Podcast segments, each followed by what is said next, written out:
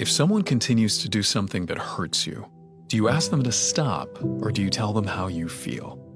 In this case, I would go for expressing my emotion instead of requesting their support. Because by asking them to stop, you are giving them control by letting them know that they have a choice of either accepting or rejecting your request.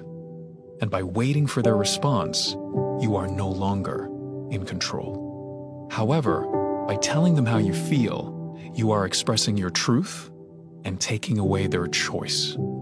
Because you're not requesting a favor, you're now delivering a message, which means you are no longer waiting for a response.